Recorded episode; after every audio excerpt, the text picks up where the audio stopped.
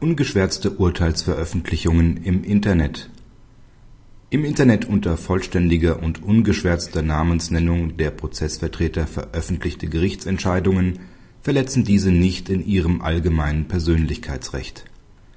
Anwälte, die in zwei Verfahren Prozessbevollmächtigte waren, nahmen die gegnerische Partei wegen Veröffentlichung ungeschwärzter Urteile und eines die Berufung zurücknehmenden Schriftsatzes im Internet auf Unterlassung und Schadensersatz in Anspruch. Sie machten geltend, durch diese Form der Veröffentlichung in ihrem Persönlichkeitsrecht verletzt zu sein. Das öffentliche Informationsinteresse hätte auch durch eine anonymisierte Berichterstattung befriedigt werden können. Das OLG Hamm erblickte in den ungeschwärzten Urteilsveröffentlichungen keine relevante Rechtsverletzung der Anwälte. Es räumt zwar ein, dass die Veröffentlichung eines verlorenen Verfahrens auf die Beurteilung der Leistung der die unterlegene Partei vertretenden Anwälte durchschlagen kann, soweit diese jedoch im Rahmen einer üblichen Interessenwahrnehmung erfolgt, ist eine derartige Beeinträchtigung nicht ausreichend, um eine erhebliche Verletzung des Persönlichkeitsrechts der betroffenen Anwälte zu bejahen. Betroffen war hier zudem allein das berufliche Umfeld der Anwälte, also ein Bereich in dem sich ihre persönliche Entfaltung von vornherein im Kontakt mit der Umwelt vollzieht und der ohnehin in einem bestimmten Rahmen mit einem öffentlichen Auftreten als Vertreter der Partei verbunden ist.